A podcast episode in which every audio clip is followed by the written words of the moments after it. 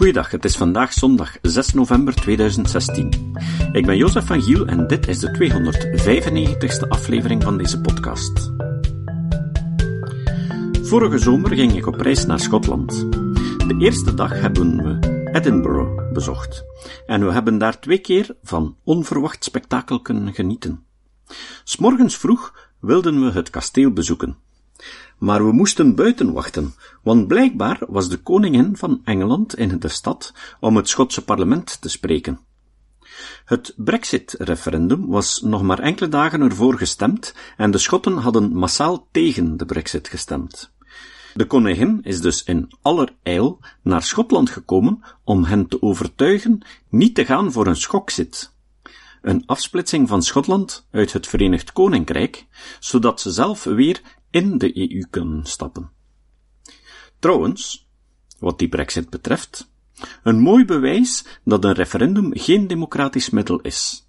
Ik heb daar trouwens vandaag nog een Twitter-discussie over gevoerd. Over het feit dat referenda niet democratisch zijn. Maar die uitleg is te complex om op Twitter in 140 tekens uit te leggen. Ik zit dus met een aflevering in mijn hoofd om daarover te spreken. Dus stonden we daar, voor het kasteel te wachten. Bleek dat de officiële Schotse kroon in het kasteel bewaard wordt. Telkens de koningin naar Schotland komt om het parlement toe te spreken, moet ze die opzetten. En dan wordt de kroon met een officiële stoet, met doedelzakken, Schotse soldaten in officiële klederdracht en alles erop en eraan vervoerd van het kasteel naar het parlement. En wij waren daar, na ongeveer een uur wachten, getuige van. Maar dat was eigenlijk niet het verhaal dat een inleiding vormt op deze aflevering. Het tweede spektakel waarvan we mochten genieten was dat er op diezelfde dag een gay parade door de straten liep.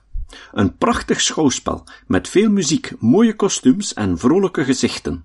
Verschillende onder hen hadden pancartes mee met slogans die ze omhoog staken. De ene al origineler dan de andere. Maar er was er één die regelmatig voorkwam en mijn aandacht trok. Er stond een tekst op die wel goed bedoeld leek, maar ongelooflijk naïef. En volgens mij volledig de bal missloeg. Ik heb er een foto van gemaakt en deze foto staat nu bovenaan de transcript van deze aflevering. Er stond op Scotland says Nee, nazi's. No to homophobia. No to Islamophobia. Don't let the racists divide us.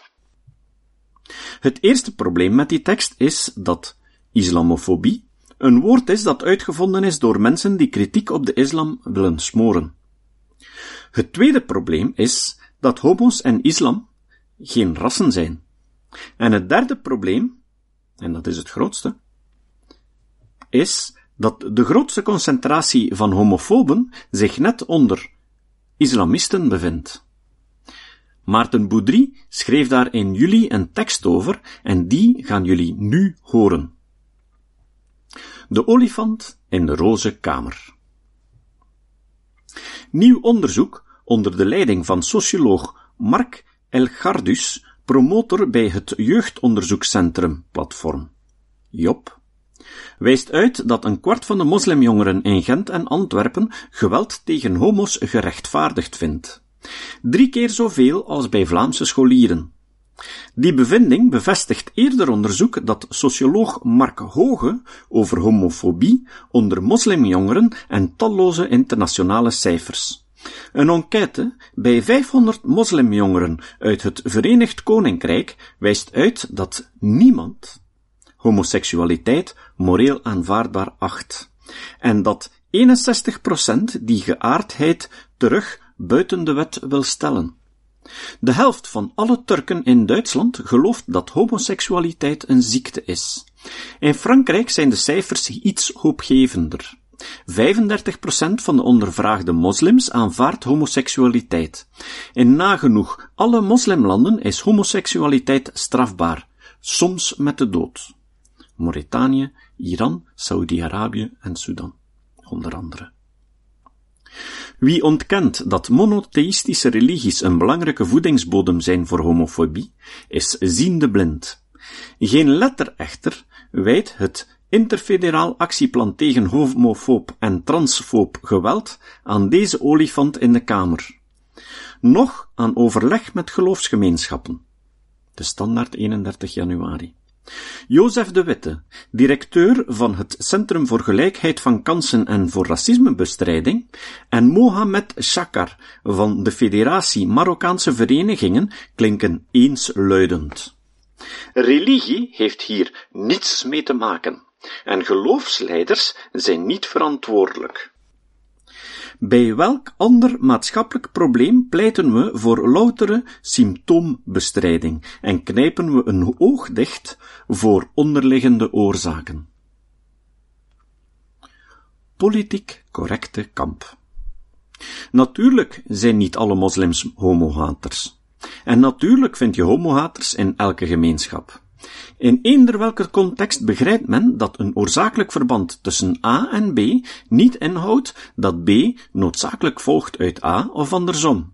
Geen verstandig mens redeneert dat roken niets te maken heeft met longkanker, omdat opa tot zijn 95ste kettingroker was, of nooit een sigaret aanraakte en toch longkanker kreeg. Enkel verstokte rokers en tabaksbaronnen hebben een motief voor dat soort kromdenken, net zoals enkel een politiek correct kamp kan verklaren waarom Shakar het verband tussen religie, in casu de islam, en homofobie wegwuift met de dooddoener.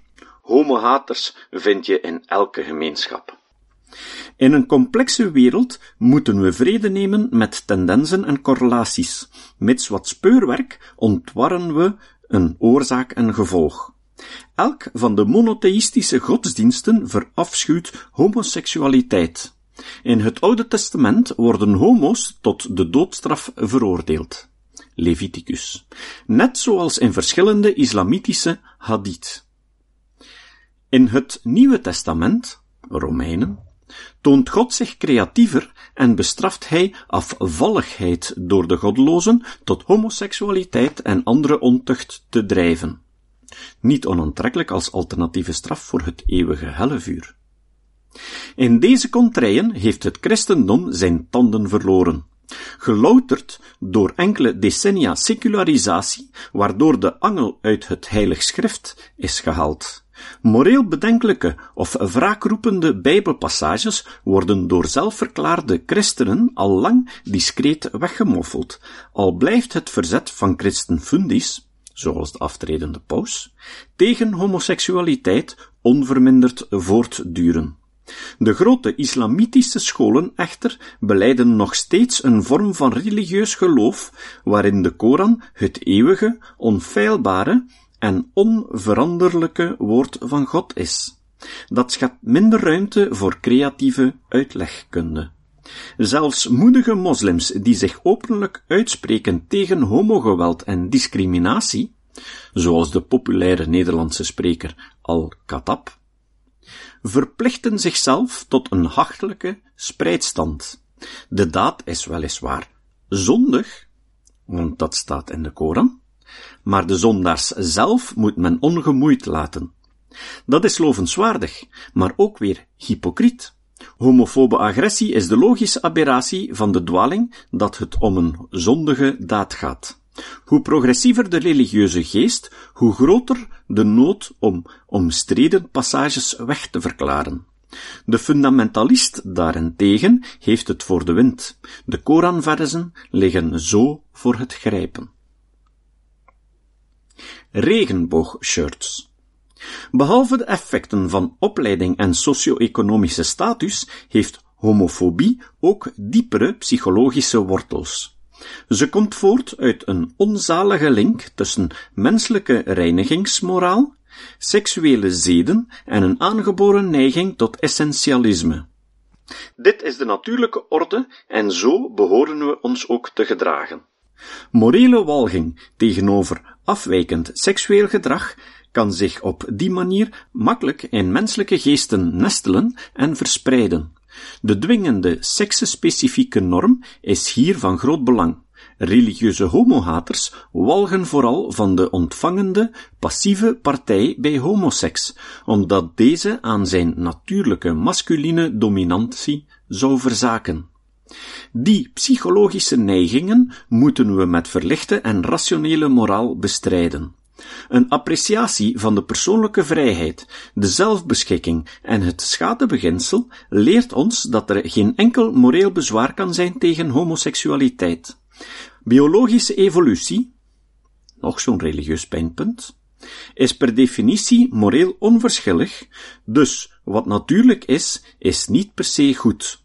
Voor wat het waard is, hoewel dus eigenlijk irrelevant, homoseksualiteit is wijdverbreid in het dierenrijk en vastgesteld bij honderden soorten. Religie staat deze verlichte moraal in de weg, omdat ze leert dat de natuur op een doelbewuste manier is ingesteld door een bovennatuurlijke autoriteit. De heilige boeken van het monotheïsme bekrachtigen onze neiging tot moralisering van andermans seksualiteit door ze tot kosmische proporties te verheffen en als onfeilbare geboden van een almachtige schepper te rechtvaardigen. Een actieplan dat de religieuze wortels en legitimatie van homohaat negeert, dweilt niet alleen met de kraan open, het ontkent zelfs dat er een kraan loopt. De geloofsgemeenschappen moeten absoluut betrokken worden in zo'n actieplan, zoals Bruno Tuibers, SPA, opperde, net zoals bijvoorbeeld de allochtone Holibie-vereniging Meraba. Misschien kan het geëmmer over regenboogshirts achter loketten dan eindelijk ophouden. Godsdienst is wel degelijk een obediente, geen ironie deze keer, helaas één die zich niet beperkt tot vrolijke klederdracht. In oktober hebben we weer voor de derde maand op een rij ons record gebroken. In augustus haalde de podcast Kritisch Denken 19.314 downloads per week. In september hebben we de kaap van 20.000 downloads per week gepasseerd met 20.356 downloads per week. En in oktober haalden we 21.143 downloads per week, of een totaal van 93.633 downloads over de ganse maand. De aflevering van vorige week is na één week al 7026 keer gedownload. Alle luisteraars bedankt voor deze inspanning. En uh, maak maar verder veel reclame voor onze podcast, zodanig dat we nog de kaap van 30.000 kunnen halen. Het citaat. Het citaat van vandaag komt van Dirk Verhofstadt. Jullie hebben Dirk Verhofstadt al eerder gehoord op deze podcast. Hij is de broer van de gewezen Belgische premier en voorzitter van de Liberalen in het Europese parlement. Maar Dirk Verhofstadt zelf heeft niet graag dat hij geïntroduceerd wordt als de broer van. In feite is hij zelf een succesvolle filosoof die doseert aan de Universiteit van Gent en al verschillende intrigerende boeken schreef. Vorige maand werd nog zijn laatste boek voorgesteld, Salafisme versus Democratie. Andere boeken die hij eerder schreef waren Atheïsme als basis voor de moraal en Dirk Verhofstadt in gesprek met Etienne Vermeers. Verhofstadt zei Godsdienst is geen opium voor het volk, dat het volk verdooft, zoals Marx beweerde. Het is eerder een agressief makende drug die de grendels van het persoonlijk geweten opzij schuift, waardoor mensen tot alles in staat zijn. Tot de volgende keer. Deze podcast is het resultaat van het werk van veel mensen. Rick de Laat verbetert bijna al mijn teksten en maakt de meeste vertalingen. Emiel Dingemans verzorgt onze website en Facebookpagina. Ook Leon Korteweg en Stefan Sutens schrijven, vertalen of verbeteren soms artikelen. Leon onderhoudt bovendien het YouTube-kanaal van deze podcast. De muziek van de intro en de trailer heeft Nick Lucassen geschreven en soms maken we ook gebruik van muziek van Ad van Nederpelt, die ons zijn prachtige composities ter beschikking stelt. Dit was de podcast Kritisch Denken. Vergeet niet om alles kritisch te behandelen, ook deze podcast. Voor verdere informatie over deze podcast, links en voor de tekst, surf naar www.kritischdenken.info. Als je deze podcast belangrijk vindt, kun je me steunen door anderen warm te maken ook eens te luisteren. Stuur een e-mail naar vrienden met een link naar de website en plaats de link in de handtekening van je e-mails. Tevens kun je op iTunes deze podcast een beoordeling geven of een recensie schrijven. Of je kan op je eigen website of blog een link naar kritisch denken plaatsen.